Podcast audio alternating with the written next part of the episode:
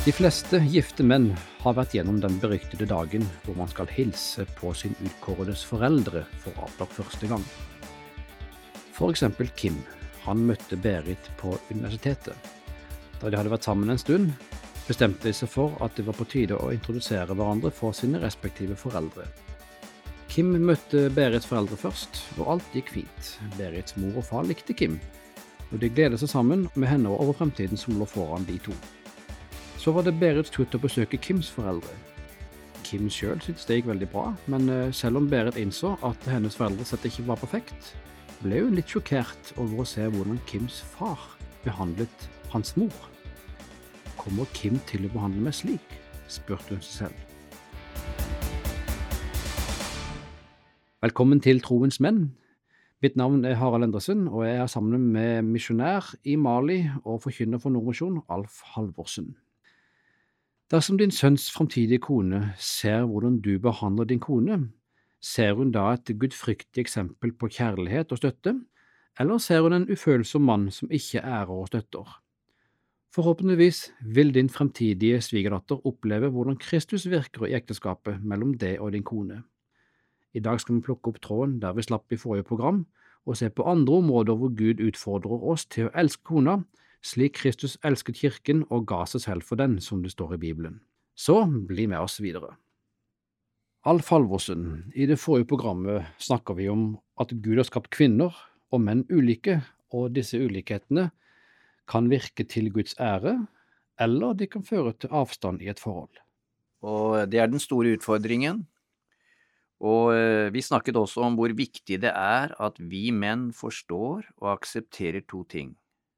For det første, at å elske kona slik Kristus elsket kirken, det er ikke valgfritt for menn, og spesielt for menn som anser Jesus som sin herre og mester.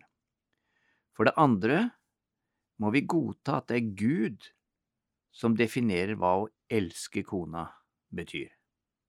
Det er ikke opp til oss. Det er ikke opp til fedrene våre, heller ikke kompisene eller kollegaene skal bestemme hva det går ut på. Gud definerer hva det betyr å elske sin hustru. I forrige program snakket vi også om hvor mye kommunikasjon og forpliktelse betyr for kona. Ja, Alf, det er kanskje en god idé å tenke tilbake på den gangen eh, vi var nyforelska. Husker du gleden og lidenskapen, lykken det var å være sammen med, med hun som ble din Hilde? Ja, og det tror jeg de fleste av oss eh, har rimelig greit i minne. Og, eh, men det er noe med hverdagen, det er noe med det trivielle, og veldig lett å glemme hvor fantastisk det var. Vi tror i hvert fall ikke det er mulig å gjenskape den følelsen. Men ved Guds hjelp er det mulig. Biskopen i Tønsberg hadde en eh, artikkel i uh, Jeg Avis om akkurat dette. Så sier han en utrolig god formulering, eller skriver det. Elsk ikke din neste. Elsk din nåværende. En utrolig god formulering. Nettopp den utfordringen som ligger, for det første, i møte med fristelsen med at gresset er grønnere på den andre sida. Og nettopp å se dette som en jobb, og elske den du Eh, holdt på å si, din ungdomssøster, den du i sin tid var nyforelska med. Så hvis du har trøbbel i ekteskapet, så Harald, vi er glad for at nettopp du lytter i dag. Det er vi, og vi vil gjerne oppfordre deg, du som hører på, å laste ned vårt forrige program med tittelen Trofasthet og kommunikasjon i ekteskapet. Podkasten finner du på troensmenn.no. Ja, det er en god idé. Altså en liten advarsel i den forbindelse, dersom du tidligere ikke har benyttet deg av disse gudfryktige tipsene i ekteskapet ditt, så kan det godt tenkes at det går en stund før kona di tør stole på at endringene hun ser hos deg, er reelle og permanente. Men det er ett ord. Det gjelder alt. Ikke gi opp. Gi ikke opp. Vær tålmodig og fortsett med å be om rettledning fra Gud. Dessuten, vil du merke at dere raskere vil få et eh, positiv utvikling i ekteskapet dersom dere arbeider sammen mot samme mål. Men dere menn som lytter, vi har ansvar. Der får vi ikke noe drahjelp av tiden. Men eh, dere, vi menn er kalt til å ta ansvar. Det viktigste i livet er ikke karriere, men å redde ekteskapet. Det er faktisk vår viktigste karriere, det er ekteskapet vårt. Tror du det er mange menn som tenker at det er konas jobb å redde ekteskapet? Det er nok veldig eh, fristende å tenke sånn, å legge skylda på den andre, så det er et poeng her, dette med å ta ansvar. Vi snakka jo om det at det er ulikheter i, mellom mann og kvinne, det er noe vi understreket i forrige program. Og det er vår eh, uhyre viktig at vi ikke da benytter si, tenkende til å, til å legge skylda på henne. Vi menn er faktisk eh, de som tar ansvar. Vi kan tenke på syndefallet. Adam han sier 'kvinnen som du ga meg'. Ja, Det er typisk sånn ansvarsfraskrivelse. Ikke bare over på kvinnen, men faktisk over på Gud. Og der kalles vi menn til faktisk å ta ansvar. Så eh, profeten Malakias, han forklarer Guds syn på dette, at vi nettopp tar ansvar og yter vårt beste, i Malakias kapittel 2 vers 13–15. Her står det, og dette er det andre dere gjør. Dere dekker Herrens alter med tårer, gråt og sukk. Men han vil ikke lenger se på gaven eller ta imot deres offer med glede. Og dere spør hvorfor? Fordi Herren er vitne i saken mellom deg og din ungdoms hustru. Du har vært utro mot henne, enda hun er den ektefelle som du er bundet til ved pakt. Er det ikke en som har skapt henne både med legeme og ånd? Og hva søker da den ene? Barn som hører Gud til. Så vokt dere vel i sjel og sinn, vær ikke utro mot din ungdoms hustru. Mm, utrolig interessant. Og det understreker her hvor, hvor fundamentalt ekteskapet er. Ekteskapet er ikke en hobby blant mange andre. Ekteskapet er så, så fundamentalt, det er uløselig knyttet til gudsforholdet. Og eh, det, vi kan se det som en, som en trekant, hvor eh, den vinkelen som er på toppen, der er Gud, og så er mann og kone på hver sin vinkel i bånn. Og så hører dette her sammen i et Og det er ikke et trekantdrama, men vi kan godt si det. Eh, det, det gudsfrykten og gudsforholdet er uløselig knyttet til ekteskapet. Jeg husker kona mi dro på retreat en gang, og jeg var på et møte og tenkte hvordan skal dette gå, hun er aleine ei uke og sånt noe. Så tenkte jeg nei, det kommer bare til å gå bra, for hun er sammen med Gud. Hun er i, i stillhet, hun er stillhet med Guds ord. Dette kan bare føre til positiv forbedring av vårt forhold. Og når hun kom tilbake, så var det ikke mange minuttene gått før jeg skjønte at eh, det hadde hatt en helbredende innvirkning på vårt forhold. Ja, vi er eh, Dette er uløselig knyttet sammen.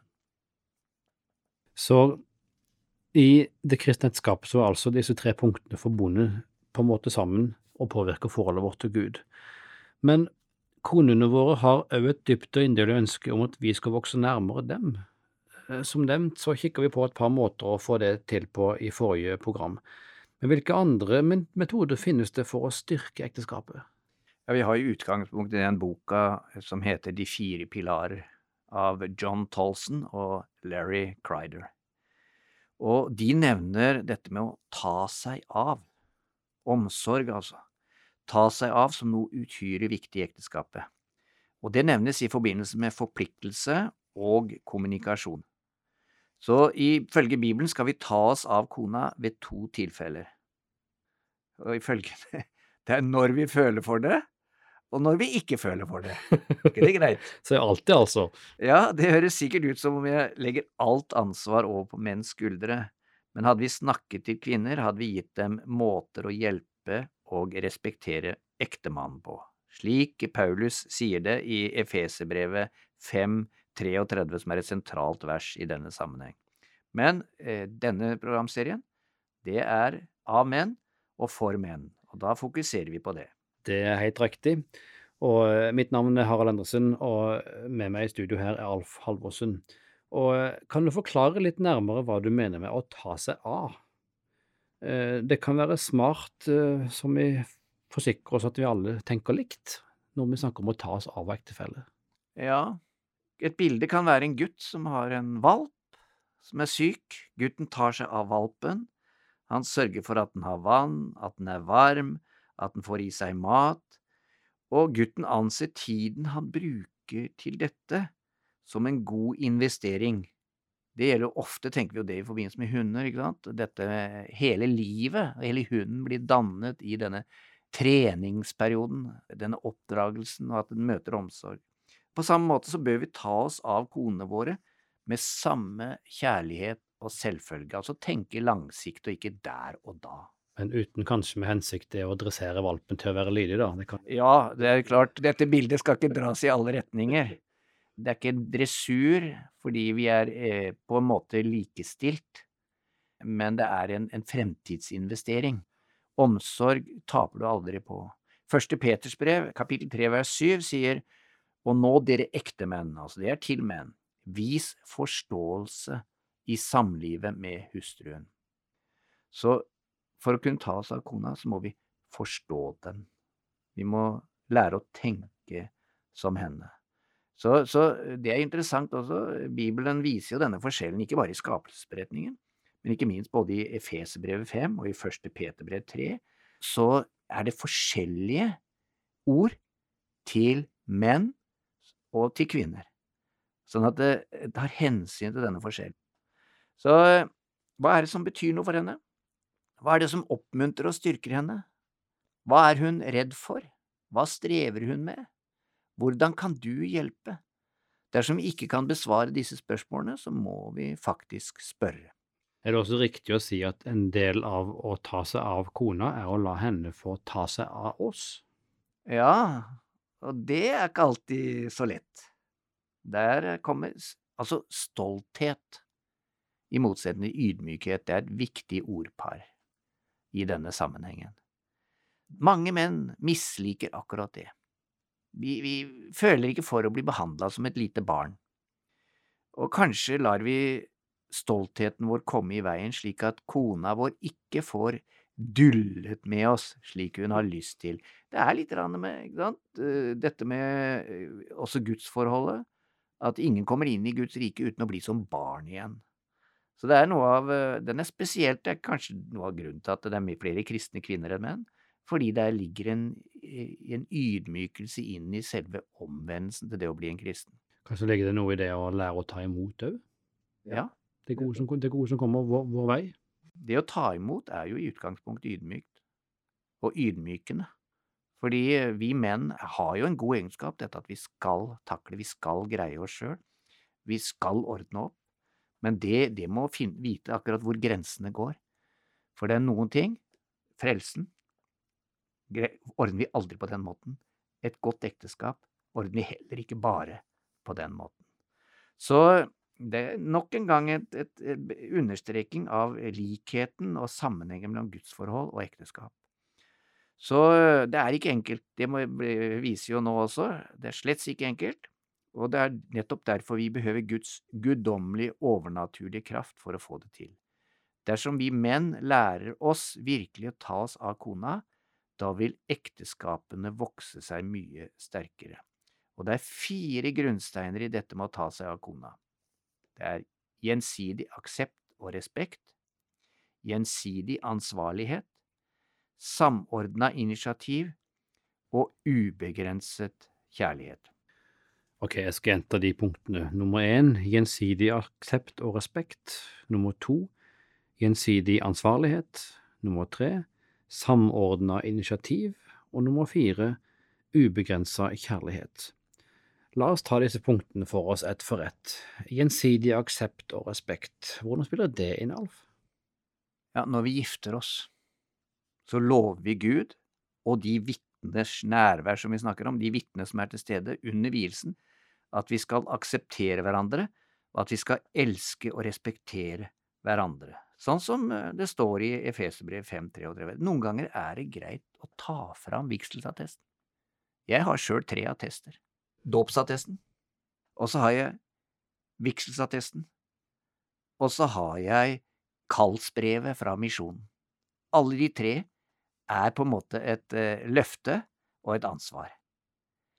Og noen ganger kan det være greit å ta rett og slett ordene, vi bør ikke føle eller så først og fremst, ta ordene og begynne der, Mm. og se på de. Og jeg, jeg kan jo nevne det i den sammenhengen, vi jobber jo litt her i Tronsmenn med å få i gang mannsgrupper, og da følger de tre bøker. Mm. Og den bok nummer to den handler om ekteskap og barn, og der er faktisk en av oppgavene å, å, å, å, se på vielsesattesten og tre punkter i ekteskapet som en skal lære seg utenat. Så det er noe med det der å se på det som en har gått inn på. Ja. Derfor eh, ansvar overfor det.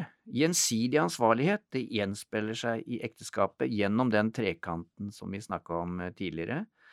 Og når konas forhold til Gud er svekket på grunn av utfordringer som lav selvtillit, stress og utmattelse, tidsklemme, ensomhet, økonomiske problemer eller mangel på romantikk, da har du muligheten til å få styrket ditt forhold til Gud ved å hjelpe henne med sitt strev. Dette er viktig, altså. For at dette skal fungere optimalt, skal også du som en mann fortelle din kone om dine kamper, slik at hun kan hjelpe deg. Dette er gjensidigheten. For mange bukker under nettopp når de får sånne ytre utfordringer som ikke de greier å takle sammen.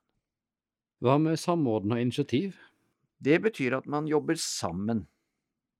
Kona mi sier ofte til meg, og jeg har etter hvert da erkjent at hun har rett. Det er så gøy når vi gjør noe sammen, sier hun. Jeg vil helst at hun skal gjøre det, og så skal jeg gjøre det. Og så får jeg konsentrert meg. For det er veldig lett å tenke å, hun sjefer litt for mye og alt sånt noe. Være litt ydmykt og gjøre faktisk det hun sier, og lytte til henne og sånt noe. Og det har jeg sett så mange ganger, at noen av de godeste dagene er, særlig når det gjelder praktiske ting, at vi jobber sammen. Så det vil innebære at man samler sine krefter og drar i samme retning som et team, for å komme seg, ikke bare praktisk, men også komme seg over ulike utfordringer, eller for å få løst problemer. Når du ser at kona strever med noe, vil en mann som bryr seg om henne, gjøre det som kreves for å hjelpe henne. Og det fjerde punktet med å ta med, det er ubegrensa kjærlighet. På et eller annet tidspunkt vil et menneske som er gift, oppføre seg på en lite elskverdig måte. Jeg tenker ikke bare på at man kan være sur eller furten, men hva med når kona er skikkelig influensasyk og altfor svak til å få gjort noe som helst i huset eller med barna over lengre tid? En mann som tar seg av sin kone, støtter henne også i slike perioder. Så dette med å ta seg av fruen er veldig viktig for å styrke og dyrke ekteskapet. Hva er det neste du vil trekke fram? Ja, det er jo sånne som ikke er så vanlige i kristne programmer, da, men romantikk, kjærestetid, tid for hverandre. Men hvorfor ikke det så vanlig i kristne programmer, tror du? Nei, jeg vet ikke, er, vi er kanskje litt sånn flaue for det eller noe sånt da. men det er jo blitt mer og mer da, heldigvis. Så det hender jo av og til at kristne blir beskyldt for å snakke for mye om sex og sånt noe, så det slår fort motsatt vei, beskyldningen mot kristen eh, forkynnelse eller, eller eh, programmer på det området. Men eh, ja, det kan bety at man går ut og dater igjen. Hm. For, men det er uhyre viktig i denne sammenhengen også at dette kan begynne med bønnelivet. Altså daglig bibellesning. Date, sånn bibeldate, rett og slett. Eh, det er eh, altså det regelmessige samvær oss med Bibelen og med andre kristne. Det er viktig for vårt gudsforhold og for vårt ekteskap. Så barna, jobbene, travle hverdager kan frarøve oss den verdifulle tiden som ektepar behøver for å holde ekteskapet levende og sterkt. Det er jo et bilde der eh, som jeg husker for lenge siden det trakk fram fra Salomos høysang, vi leste den på bryllupsnatta, eller bryllupskvelden, Hilde og jeg. Eh, Fang revene for oss, de små revene som herjer i vingården, og det er alle disse små. Vi snakker ofte om tidstyvene, men det er så mange sånne tyver som det gjelder, og der er eh, parallellen nå som vi har snakket om, mellom gudsforholdet det å ta tid, og i ekteskapet. Det er så mange som vil inn og ødelegge disse små tingene som er verdifulle, og som bygger ekteskapet. Som revene? Ja, det er altså små rever, eh, og de må være forsiktige med. For eh, forstyrrelser og distraksjoner, som, som vi kanskje ville kalt det i dag, det kan gjøre at ekteskapet dør hen. Vi må andre ord ta bevisste grep, og det er et viktig ting her. Ta bevisste grep for å bevare gløden og kjærligheten. Romantikken, det krever av og til at man gjør noe som litt sånn i utgangspunktet ubekvemt, ut av komfortsonen, tar et initiativ, og for å nettopp gjenskape og holde ved like den. Å være sammen om felles opplevelser er en god måte å åpne for trofasthet, kommunikasjon, omsorg og romantikk. Og det er helt sikkert eh, mange flere metoder. Spør kona di hva hun vil føle som en velsignelse, og vær forberedt på å gjennomføre hennes forslag. Det kan bli sårbart. Dette har vært veldig interessant. Eh, vi nærmer oss slutten, men er det noe annet vi burde vite om dette med å styrke ekteskapet? Ja, vi har vært borti noen få ting allerede, men et viktig moment vi skal ta med oss videre, er at mange av oss ikke vokste opp med en god rollemodell. Være klar over det, at vi på en måte er, går inn i ekteskapet med et handikap. For, for det, enten vi er klar over det ikke, så har det formet oss. Dersom foreldrene dine gikk fra hverandre, eller kanskje ble værende i et ulykkelig ekteskap, så tror vi at uh, alle forhold vil ende slik. At det er liksom en sånn forbannelse som hviler over det. Der må vi ikke gi opp. Der må vi være optimister og ta til oss det som Bibelen sier. Dersom du søker Herren og Hans ord, så, så vil Han vise oss sannheten, og sannheten som setter oss fri ifra sånne bagasje og, og sånne eh, konsekvenser som vi tenker på som liksom automatisk skjer. Kolossebrevet 3, 12–14 sier dere er Guds utvalgte, helliget og elsket av Ham. Kle dere. Det er ikke bare, det er ikke passivt. Klær er noe du tar på deg. Kle dere derfor i inderlig medfølelse, godhet og ydmykhet. Når du står foran garderoben din, så ser du hvilket skal jeg ta på i dag. Så har mange valg, og her snakker altså Bibelen om det du skal ta på deg, er inderlig medfølelse, godhet og ydmykhet. Ikke typisk sånne mannlige uttrykk, dette her, men uh, dette er menn. Gode menn er ydmyke. Ta dere ikke selv til rette, men strekk dere langt, så dere bærer over med hverandre og tilgir hverandre. Altså, det er ikke macho. Macho er mannsfiendtlig. Macho er ikke skikkelig mann. Mann er faktisk ydmyk, han tåler smerte, og han går igjennom det tålmodig utholdende. Så hvis den ene har noe å bebreide den andre, så skal du tilgi og være overbærende. Som Herren har tilgitt dere, skal dere tilgi hverandre. Over alt dette, kle dere i kjærlighet, som er det bånd som binder sammen og fullender. Dere, dette er sanne ord, som virkelig kan hjelpe og støtte dere på veien til et sunt og godt ekteskap akkurat et slikt forhold som Gud ønsker for deg og din kone. Dette er jo strålende, Alf. Eh, veldig bra. Eh, kan du nå til slutten oppsummere kjapt det vi har vært innom i programmet i dag? Ja, vi har begynt med dette med å ta seg av hverandre. Og hvilken enorm eh, mangfold det som ligger i det, og fylde som er i det.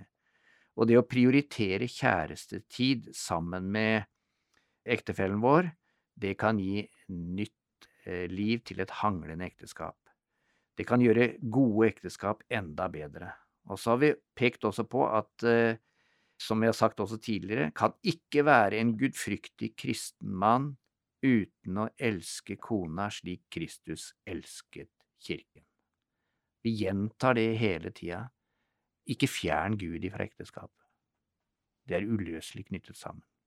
Så vi har lært at Gud ikke aksepterer og tar imot våre bønner og vår lovsang dersom vi ikke samtidig ærer og elsker kona vår.